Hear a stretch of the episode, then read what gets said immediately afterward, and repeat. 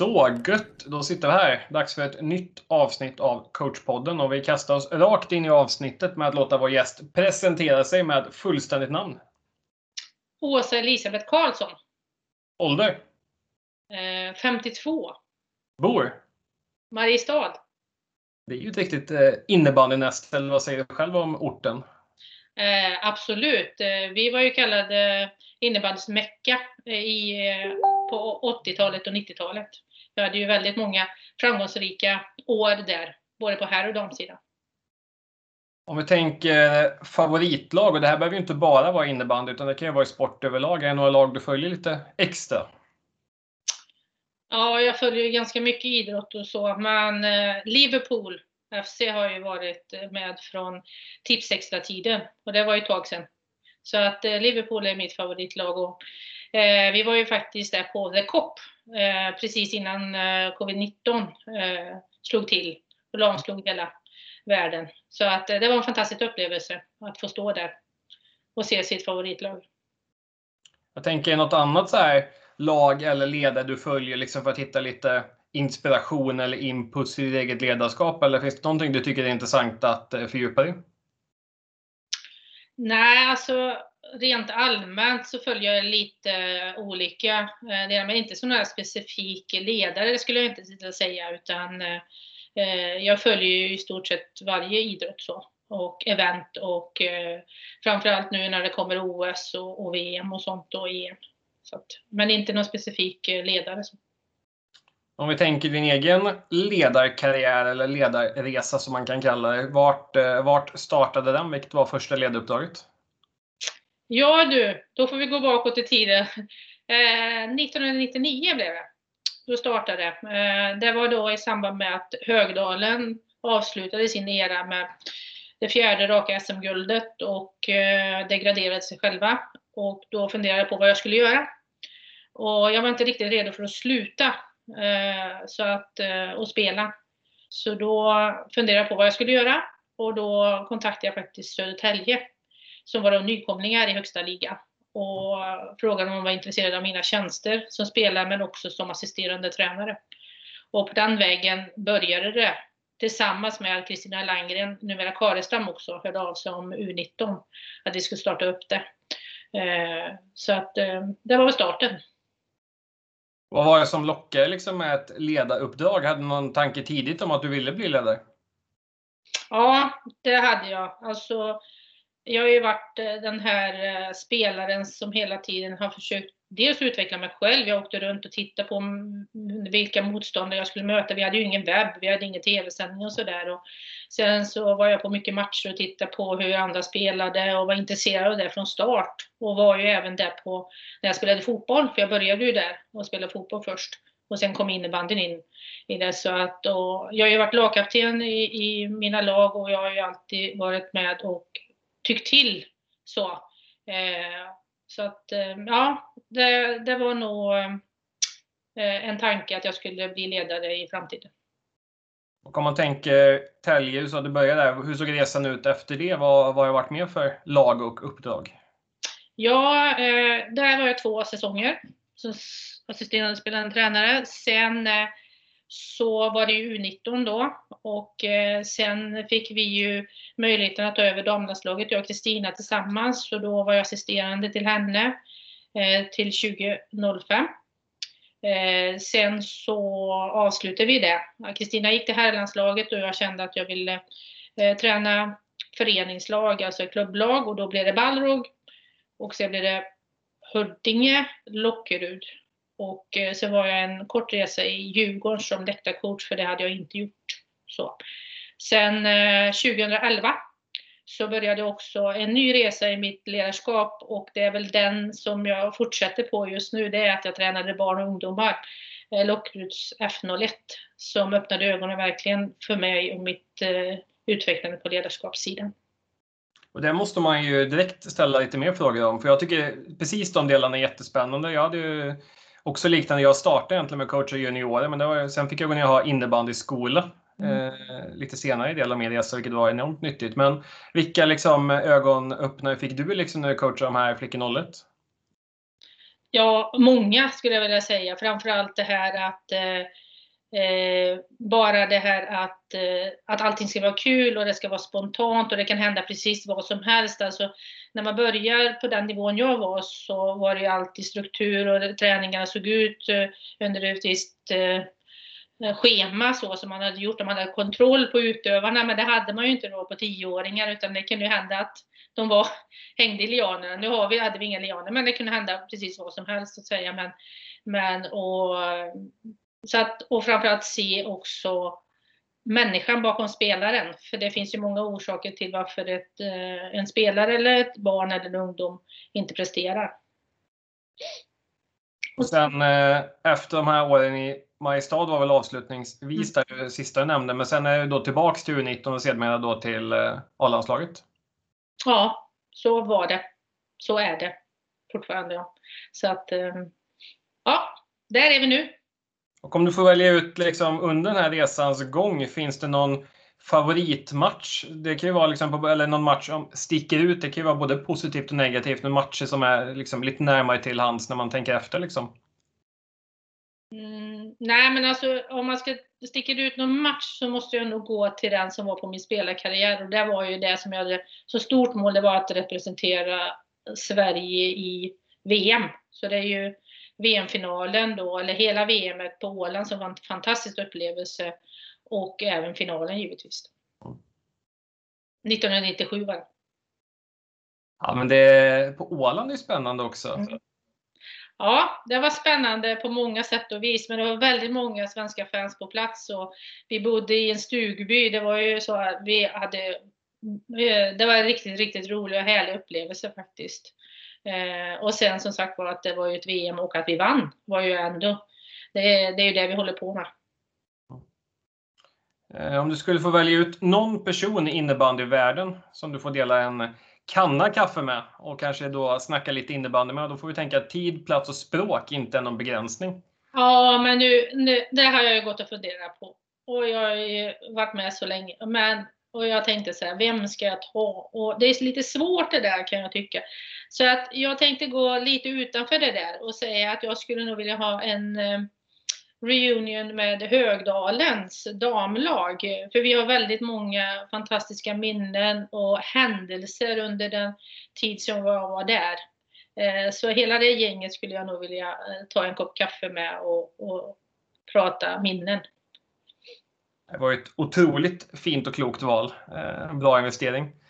Nästa fråga du ska få, den är väl snudd på omöjlig, men du ska ändå få, få ge dig på den. Men om man då ska liksom försöka bena ut här, att vad är för dig en riktigt bra innebandyspelare? Mm. Ja, den har jag funderat på och jag menar, vi kan ju börja med att eh, spelaren ska ha ett inre driv, att själv vilja fortsätta och ansvara för sin egen utveckling. Att göra allting så bra som möjligt som den kan göra. Och eh, det är också balans i tillvaron när det gäller träning, återhämtning och, och kost. Då. Så att eh, det tror jag är viktigt och framförallt att eh, hårt jobb kommer att betala sig oavsett eh, om det tar lång tid så att säga. Och förutsättningen är ju att det kan ta lång tid beroende lite på sina förutsättningar. Men alltid att göra sitt bästa och göra det fullt ut. Om man får skicka några lite tips då om man nu är en eh, förhållande eller en spelare överlag. Det spelar ingen roll om det är en eh, ung eller gammal eller hur man än är. Men om man nu skulle vilja bli en sån spelare som du beskriver, har du något så konkret tips att börja med det här liksom? Eller tänk på eh, försöka ta den här extra löprundan varje morgon eller liksom vad det nu kan vara. Ja, eh, men jag skulle nog säga så här att eh, som ung så skulle jag nog förorda spontanidrotten. Alltså, jag har lärt mig jättemycket på, jag spontanidrottade när jag var ung och jag fick med mig så mycket i, i den delen och även just att hålla på med flera idrotter så länge det bara går. Eh, faktiskt för att då upptäcker man också, och man får allsidig träning. Eh, och eh, sen också att eh, utmana sig själv, gå utanför comfort zone eh, och gå sin egen och våga gå sin egen väg. Den andra vägen är ju redan upptagen. Så våga göra det. Och lita på och känn dig trygg med dina val. Det var ett klokt svar. Och nu framöver tänkte jag att vi ska få dyka ner lite i landslagsverksamheten för det är ju liksom eh, väldigt, väldigt spännande. Framförallt, eh, framförallt för alla oss som inte har gjort någon landskamp utan eh, kunna få lite, lite inblick i hur det ser ut där. Och du har kört både U19 och eh, A-landslaget och om man tänker liksom, är det stora skillnader mellan liksom taktiskt och spelmässigt mellan de två uppdragen eller kan man jobba med liksom en snarlik modell liksom, spelmässigt? Ja, alltså vi har ju jobbat lite olika när vi har jobbat med U19 och damlandslaget om man tittar historiskt och så. Alltså på U19 när vi började med dem så eh, dels så har vi ju dem kortare tid för de växer ju ur U19. Så därför så har vi jobbat med eh, en spelidé som de flesta känner till och så, att de känner sig trygga i. För vi har inte så mycket tid och inte så många samlingar för att eh, träna ihop oss helt enkelt. Och sen så kommer de ju från olika delar i landet och eh, de kommer från olika föreningar och även från olika divisioner. Så eh, vi landade i då att eh, jobba med en grund, en enkel grund och så fick vi jobba med det på plats så att säga. Så att det är väl skillnaden på damlandslaget. Så så växer de ju inte ur kostymen utan där är det ju så att de mer växer in i den och att vi har ju möjligheten att jobba med dem längre tid så att säga.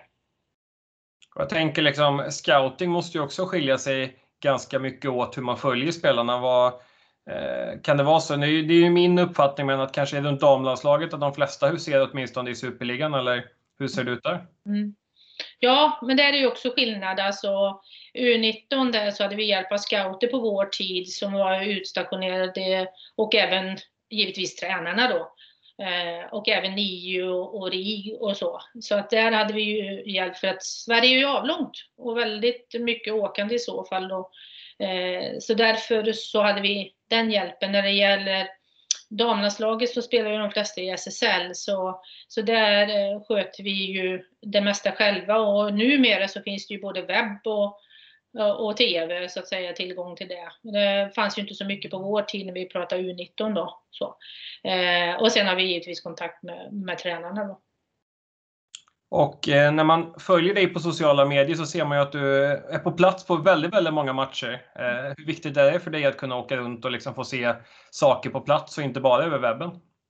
Eh, nej men alltså det är klart att man ser ju bättre på plats och man upplever en atmosfär och sen liveidrott, det går ju inte att ta, ta bort på något sätt Visst, Det är en fantastisk upplevelse att få kunna sitta och se på idrott oavsett vad det är eh, på plats och känna atmosfär och se lite vad som händer i, i spelarbåsen och runt omkring, sånt som kanske inte kameran eh, Eh, hittar under tiden man sitter på webben. Så absolut. Och sen är det ju så att det är fantastiskt roligt att vara ute och titta på, på innebandy på live. Så att eh, det är ju inget svårt val om man har den möjligheten.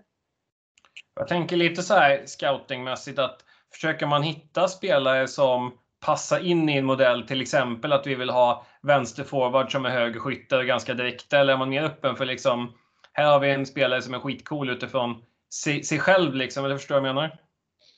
Ja, nej, men vi, vi tittar väl på helheten givetvis och, och, vad som passar in och vad vi behöver ha och framförallt att eh, det fungerar i, i en eh, framtida femma givetvis. Så, så att, och sen så ser ju vi lite allround, Vi vill ju ha lite hybridspelare när vi pratar, alltså att man kan spela på olika positioner utifrån den spelidén vi, vi har idag så att säga. Så att eh, eh det finns ju många parametrar där som vi tittar på.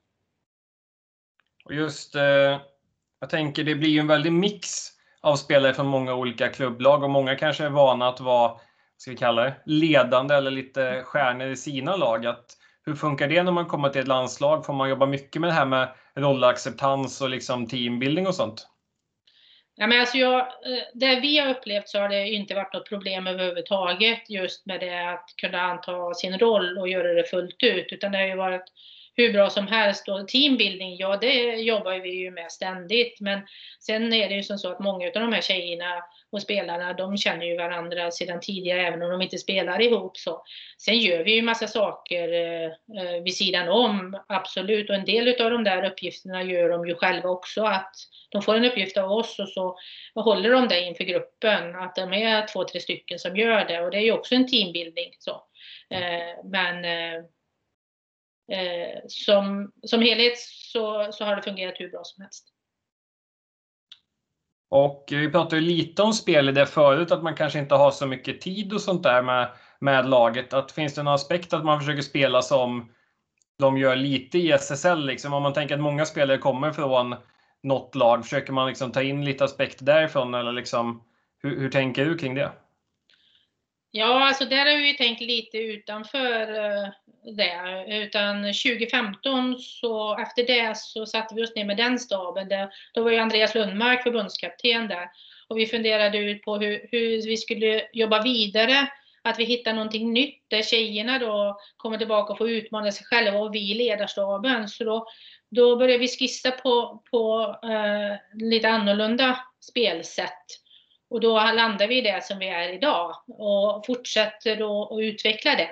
Så att eh, där var det väl lite mer att vi kände att nu hade vi spelat den typ av spel en längre tid och sen att framförallt att utmana oss själva och spelarna då. För vi har ju ändå tillgång till världens bästa spelare.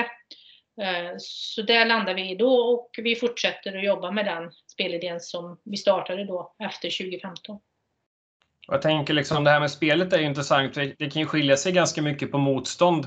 Om man tänker liksom att eh, vi har absolut, vi har ju toppnationerna i form av Sverige, Finland, Tjeckien och Schweiz, men det blir ganska stor kontrast till de andra lagen när du möter dem kan jag tänka. Ja, fast vi försöker ju, om du, om du tänker på det, så försöker vi spela vårt sätt att spela i varje match. Så.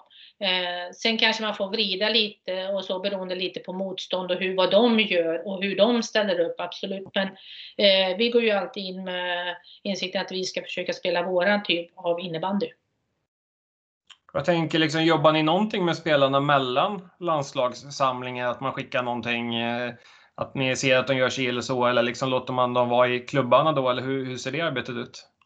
Men, eh, när vi har haft läger så skickar vi givetvis lite feedback till dem och eh, på saker och ting som har gjort bra och lite utvecklingspunkter och så. Sen så tittar vi ju på det under och mellan lägren då. Så att det är väl det som, som vi gör. Och även har vi ju kontakt med tränarna då.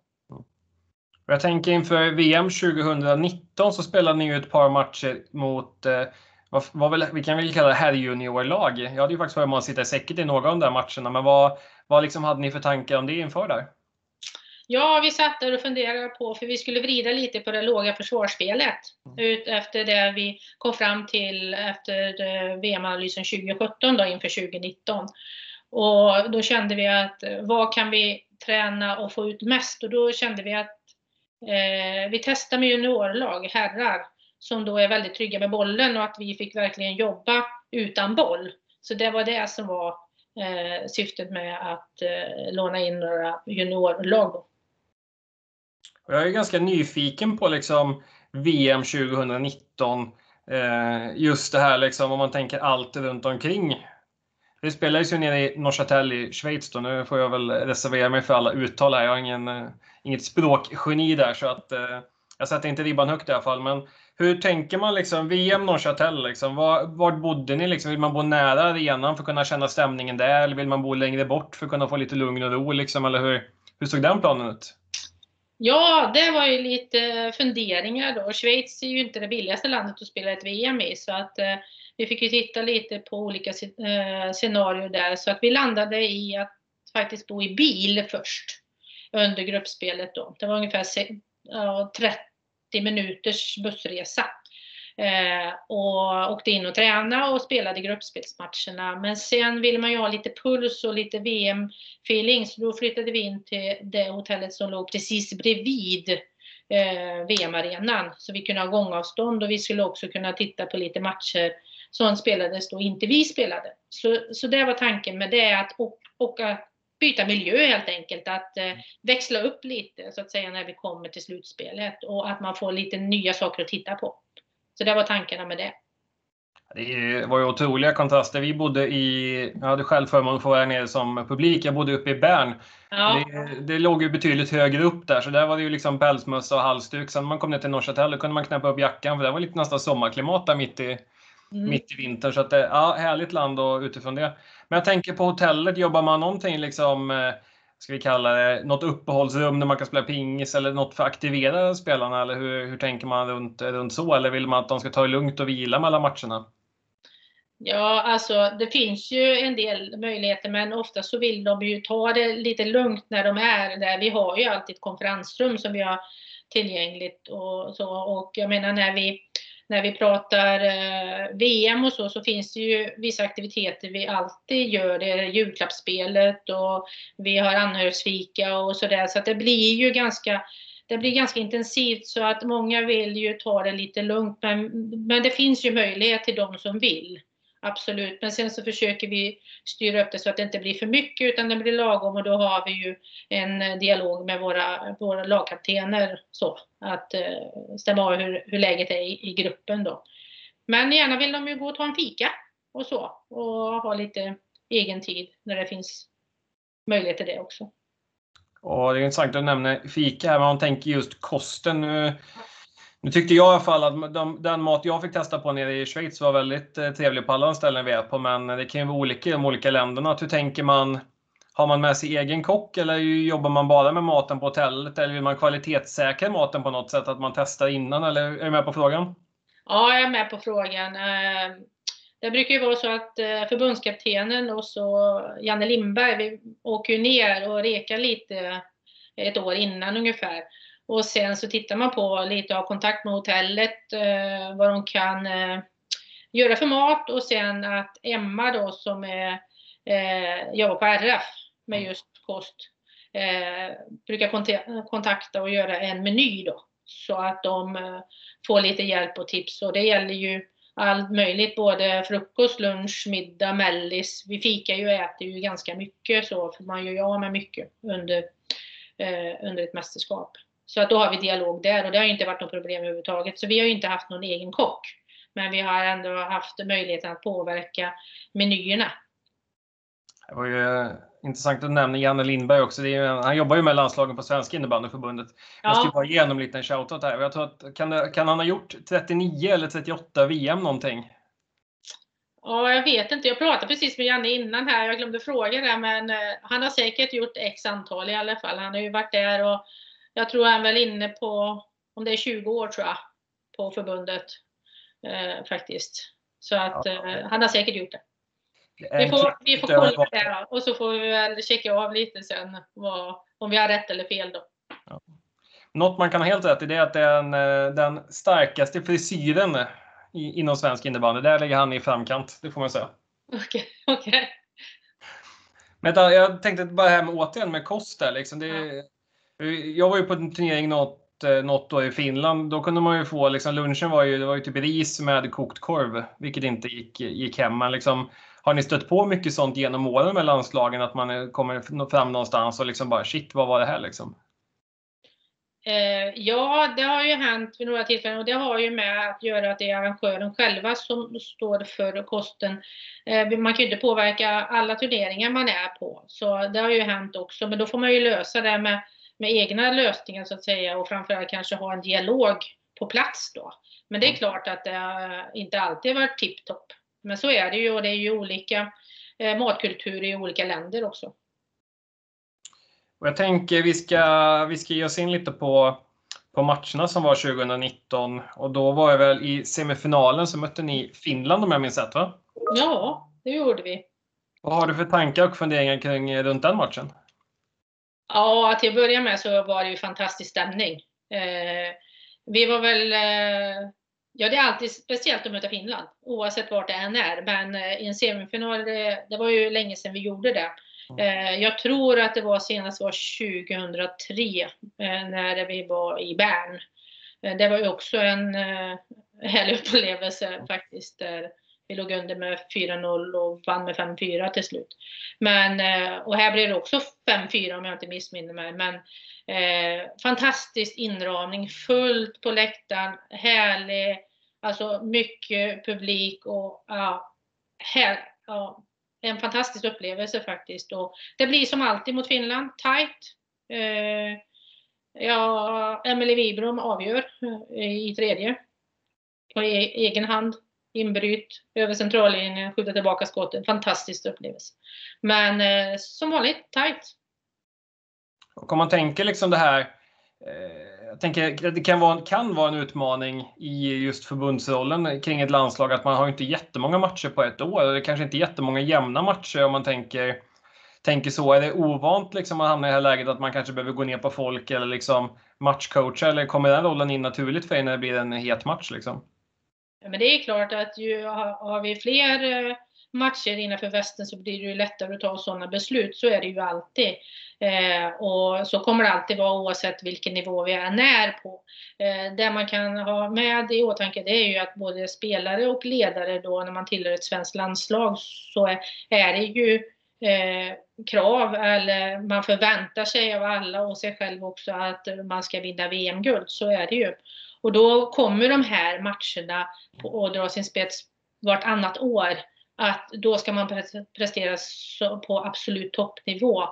Och det blir ju en press. Så, så att man ska ha med sig det att det vi gjorde 2019 likväl har ju varit en fantastisk prestation både från spelare och ledarhåll just det här att stå pall för trycket ännu en gång så att säga. Och det är ju svårt att träna på det. Mm. Och just det här med stå pall för trycket, det leder ju oss eh, direkt då till finalen mot eh, Schweiz i en eh, fullsatt arena. Det var helt otroligt vilken stämning det var just. Jag tyckte final, semifinalen var ju, det var ju mäktigt, men finalen var ju något ytterligare steg upp där.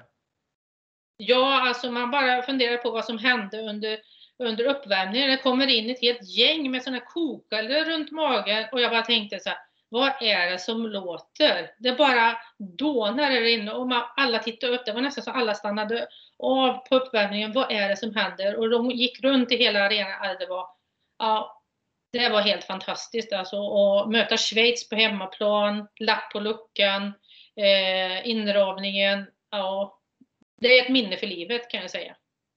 Vi ska ju faktiskt eh vi gör så att vi, vi backar bandet till Schweiz semifinal, för de var ju faktiskt eh, totalt utspelade av Tjeckien i två och en halv period. Jag vet inte, Tjeckien ledde ju med ett par bollar eh, en bra bit in i tredje. Det var nästan så att eh, folk på läktaren skojade om det här, att det är frågan om Schweiz ledarstab ens får coacha bronsmatchen med tanke på hur utspelade de var. Liksom. Och så gör de den otroliga vändningen. Såg du den matchen?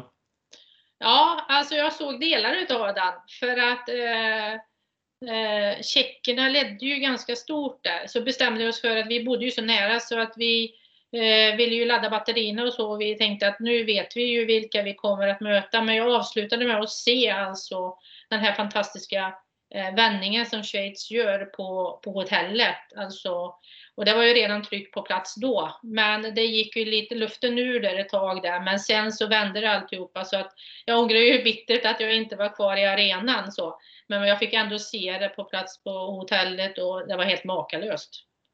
Jo, för det var väl för de som inte har sett matchen, nu kan inte jag alla faktadetaljer, men de ligger ju under med 5-6 bollar, kanske 5-1, 6-1 till Tjeckien och eh, Schweiz plockar ju målvakten och spelar 6 mot 5 och liksom gör ju ett par mål i spel, just 6 mot 5 och kommer ikapp. Och sen var det väl i sadden de avgjorde.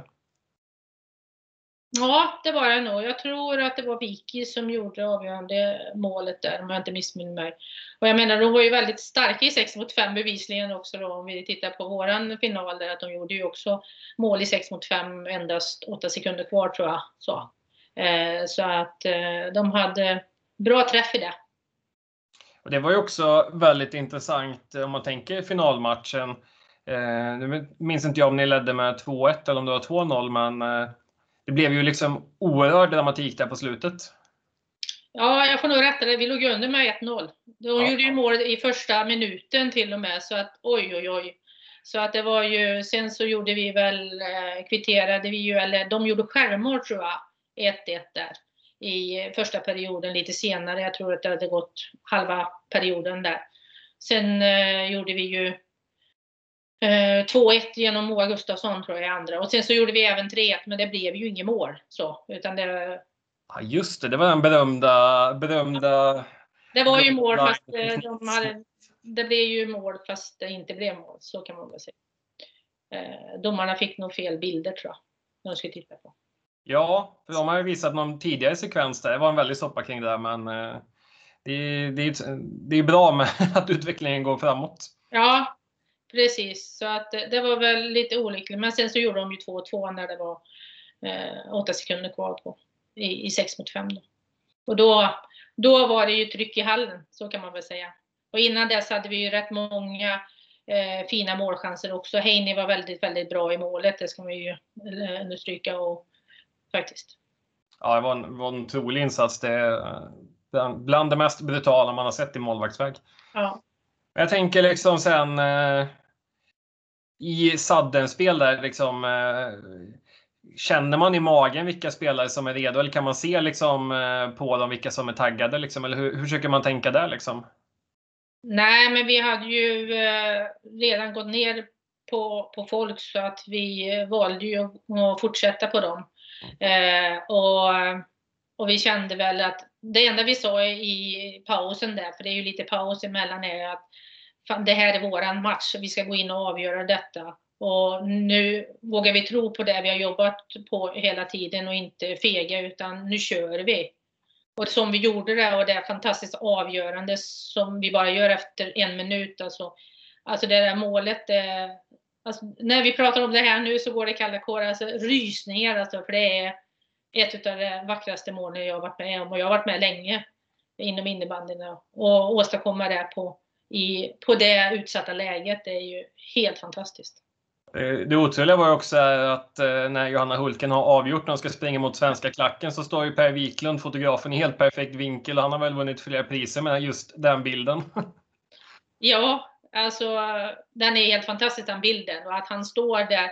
Det har ju mycket med hans rutin att göra. Han vet ju att eh, var han ska placera sig beroende på hur, och han kan ju aldrig veta hur matchen slutar, så är det ju. Men eh, han har ju olika scenarier med sig Per. Med, vad är det, många? 800 matcher eller vad var det? Det stod om? Ja, sånt där. Ja. han har jobbat upp bra spelsinne där. Nej, men sen tycker jag också det var väldigt, väldigt uppfriskande man pratar ju ofta om det här att ett svenskt lag ska spela fint, det ska vara vackert. Liksom. Men jag var framförallt väldigt imponerad över backarna ni spelade med i den matchen som gick in och liksom riktigt det var riktigt så här gött defensivt köttarspel stora delar av matchen. Liksom att eh, hålla rent framför mål och liksom mycket närkamper ute i sargerna. Liksom.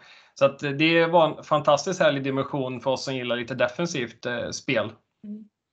Ja, och det krävs ju att vi har alla eh, dimensioner i spelet. Eh, det går ju inte bara att eh, spela glamourspel om man skulle uttrycka det, utan det, det är ju hårt jobb och stark defensiv, vinna boll, vända upp snabbt, gå på spel, spelvändning, men ändå också kunna hålla bollen inom laget och så, så att eh, eh det funkade ju.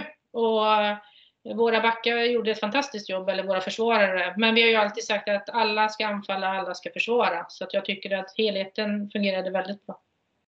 Jag tänker lite så här, återigen scoutingmässigt, att du pratade förut att, man, att ni jobbar mycket med ert egna spel. Liksom och så, mm. Men hur mycket tittar man på ett motståndarlag och vad de gör inför en match? Ja, alltså det tittar vi ganska mycket på. Eh, vi har ju videocoach och läktarcoach och det är ju en av Per Tjusbergs absoluta styrkor att vi kan titta på, på sådana tillsammans och eh, vad, vad hittar de på?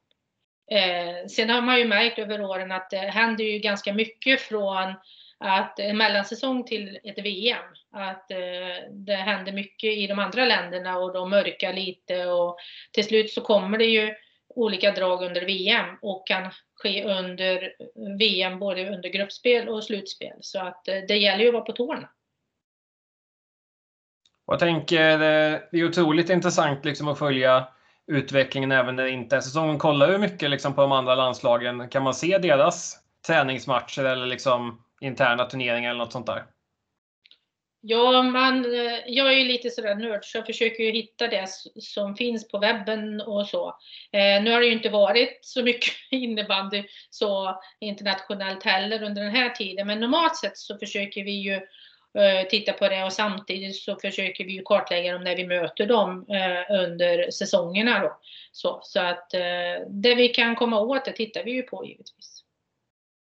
Jag tänker nästa fråga här, det blir lite tillbaka till säsongen som pågår här, eller matcher generellt. Men det är liksom, finns det någon match du ser lite extra mycket fram emot nu?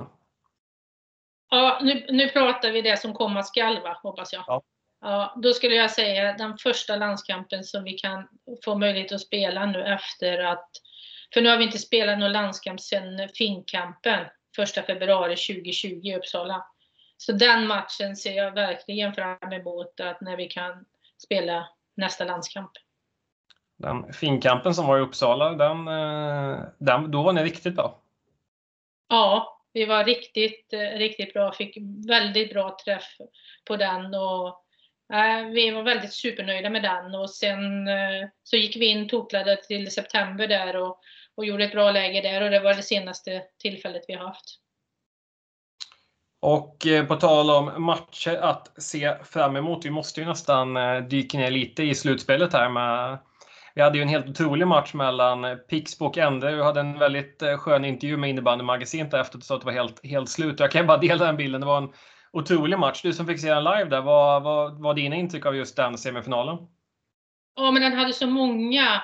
Alltså, de, högt tempo, intensitet, duellspel, kamp, känslor, eh, eh, mål. Eh, och sen just det här att eh, de fick spela om det, tycker jag. Domarna hade en bra nivå, spelarna accepterade det de körde. Och att eh, sen det blir både förlängning och straffar i en sån eh, är ju också lite extra krydda, så att säga. Jag brukar ju sitta själv när jag kollar matcher på webben just att då brukar jag föra lite statistik eller räkna på någonting. Men nu satt jag faktiskt och var tvungen att lägga bort allting för jag var så inne i matchen så det var bara att sitta och njuta. Och, det ska bli otroligt kul med nästa match i den här semifinalserien och även Thorén-Mora som varit otroligt härliga matcher. Ja, precis. Och det gör jag med. Så det ska bli intressant att se här nu med match fyra eh, i båda semifinalerna. Och nästa moment är du ska få svara på fem stycken snabba frågor med ett spontant och impulsivt svar. Ja, det är ju, det är ju verkligen min eh, eh ledstjärna att vara spontan, men vi kan försöka med det då. Ja, vi gör ett försök här. Första frågan. Match eller träning? Match. Anfall eller försvar? Anfall. Powerplay eller boxplay? Powerplay. Skott eller pass? Skott. Spela VM i Schweiz eller spela VM i Tjeckien? Ja, jag har inte spelat i Tjeckien, så jag säger Schweiz då. Ja, men det var ett, det var ett välmotiverat svar då. Ja, men Tjeckien, det ska, det ska bli spännande nästa, nästa VM där. Jag var ju där på 2018 på herr-VM. Det var ju också en otrolig uppslutning på publiken där. Mm. Ja, och det tror jag också. Men jag har ju aldrig varit där och spelat på VM, så det vet jag ju inte då. Men, men det, det går ju inte att eh, jämföra eftersom man inte vet. Så att det där som vi upplevde i Schweiz 2019 var ju något över det vanliga faktiskt. Jag tänker powerplay boxplay en sån här detalj som är lite intressant att grotta ner i. Eh, du valde powerplay före boxplay. Är det liksom bara den här anfallsinstinkten eller vad, vad tycker du liksom om de två spelformerna lite generellt där? Nej, men jag tycker de är eh, viktiga båda två givetvis. Men måste jag välja någonting så är, är jag ju mer lagd åt anfallsdelen. Dels efter eh, mitt, min egen spelarkarriär och så. Men jag tycker det är fantastiskt intressant att se boxplay när man eh, ligger rätt med klubben och man täcker ner skott, eh, man håller dem utanför boxen. Alltså, se detta fantastiska jobb, man jobbar tillsammans och man vrider och vänder och försöker få ner skyttarna och instick och så. Det är ju härligt att se. Eh, sen tycker jag även att när vi tittar på powerplay att eh, när det kommer eh, snabba avslut och instick och snygga mål, det är ju också fantastiskt att se. Så att jag säger som så här att båda de där sakerna är ju härliga att se fast det finns olika eh, saker att uppleva och eh, njuta av. Om man tänker då, det blir en bonusfråga här, men vad, vad, skulle du säga är största nyckeln för att ha ett bra powerplay? Att eh, jag funderar lite på att eh, man har spelare som tar läget. Har man ett läge så ska man ta det och inte leverera det till någon annan utan eh, ta det. Får jag läget så ska jag ta det och känna att jag har förtroendet, jag är utvald, jag är vald av min tränare att jag ska spela powerplay och då får jag bollen och jag har skottläge, då tar jag det. Det var ett otroligt välkomponerat svar med tanke på att eh, det var en spontan snabb fråga. ja, så kan det bli ibland. Så en annan så här liten bonusfråga som jag går och grubblar på. Det är just det här momentet runt tekningar. Mm. hur viktigt är det att ha bra tekningar i laget? Eller bra teker? Eh, jag, personligen tycker jag det är väldigt viktigt. Eh, vi har haft eh, också just det här i, i damlandslaget att gå hem och träna och teka och våga teka och sen ta reda på vad tekaren, var bollen kommer normalt sett och så. För att jag menar i boxplay så kan det vara bra att vi har en bra tekare så att vi kan spela av lite tid.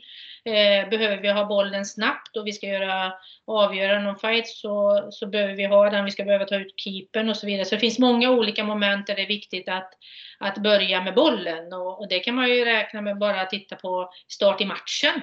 Att sätta, sätta sin eh, matchplan och en del tickar ju framåt direkt och går till anfall som man har sett nu och en del behåller inom laget och får känna att eh, det, vi kan börja med ett anfall. Så att jag tycker att eh, det är oerhört viktigt just med, med de här fasta situationerna. Så, så även teckningar. Då. Det var ytterligare ett klokt och välformulerat svar. Ehm, nästa moment här, du ska få chansen att sätta ihop en liten, eh, liten drömuppställning. Ehm, tänkte att nu, förvisso i landslagsrollen har man ju tillgång till, eh, till ett fantastiskt utbud, så det kanske du är någorlunda van med. Men här får du ju helt fria tyglar vad du vill sätta ihop aktiva som icke-aktiva spelare, vilken taktisk disposition och en eventuell ledarstab då? Ja, alltså nu har jag ju gått och funderat på detta och alltså det här är ju svårt. Eh, jag har ju varit med ett tag, men jag hamnade till slut i eh, en del, ja en femma när jag var aktiv själv som spelare. Eh, och då hamnar vi ju med eh, en målvakt som heter Lena Sjölin. Eh, spelade i Högdalen, var före sin tid. Bra utkast, eh, lite finurlig där bak och nej, hon var rörlig och aktiv i kassen och styrde och ställde. Alltså en världsmålvakt skulle jag säga. Sen har vi två backar och där hamnar ju också de jag spelade med, Nina Claesson och Malin Bergqvist, också i Högdalen. Bra, bra just det här fysiskt starka, vann sin duell, var hot bakifrån, bra skott, men även visste att vi där framme ville ha bollen jäkligt snabbt upp. Så att de skickade upp den på oss där. Så att eh, vi var nöjda med det. Eh, och täckte skott bra, var väldigt bra just i den delen. Det är väldigt Sen, intressant. Jag måste bara sticka in ja. där med just att du nämnde det här med duellspelet. För det tycker jag är någonting vi, vi tappar gärna bort det någonstans. Att vi pratar väldigt mycket om spelet med boll, men just den dimensionen i försvaret är ju så enormt viktig. Så att, eh, väldigt kul att du tog upp den. Och sen så hamnar vi ju på en högerforward. Eh, det är fortfarande i samma femma. Det är Karina Rosell, Karre, som jag har spelat med eh, otal matcher eh, är eh, sniper har dess like. Bra i slottet, eh, bra i hörnen, gräva fram bollarna, eh, bra passningsspelare. Eh, så han, eh, hon är given på högerforwarden. Eh, sen på vänsterflangen, vänsterforwarden, så kan du nog gissa vem jag ska ta där. Jag har ju gett mig på att gissa i så många tidigare avsnitt. Jag har ju alltid haft fel så att eh, kan, kan du sätta dig själv där kanske? Nej, jag kommer att sätta Hermin Dalerius som spelar vänsterforward hos oss. Så att de skiftade ju lite. Alltså det är ju våran Högdalens femma där. Eh, Minne kommer in, ung, eh, lovande, fantastisk spelare och så blir hon ditsatt mellan mig och, och Karre. Eh, tuff utmaning kan jag säga. Eh, två grinkärringar. Hon eh, antar utmaningen, har klubban i backen, och när vi vill och var redo och klar, det var hennes uppgift. Och när vi skrek att vi ville ha bollen, ja då var hon tvungen att passa. Så. Eh, och vilken utveckling det har blivit på henne. Hon klarade den tuffa, tuffa eh, miljön som vi hade faktiskt. Eh, så Herminda Lerus eh, är given i min femma. Sen vet jag inte om jag ska ta med mig själv eller om jag ska ta en annan för att bryta denna femma. Annars hade ju jag spelat center och givetvis, jag älskar ju att vara med på allt håll. Men jag tänker ge den till eh, Ann-Marie Karpinen. Som jag spelade med i eh, Lockerud.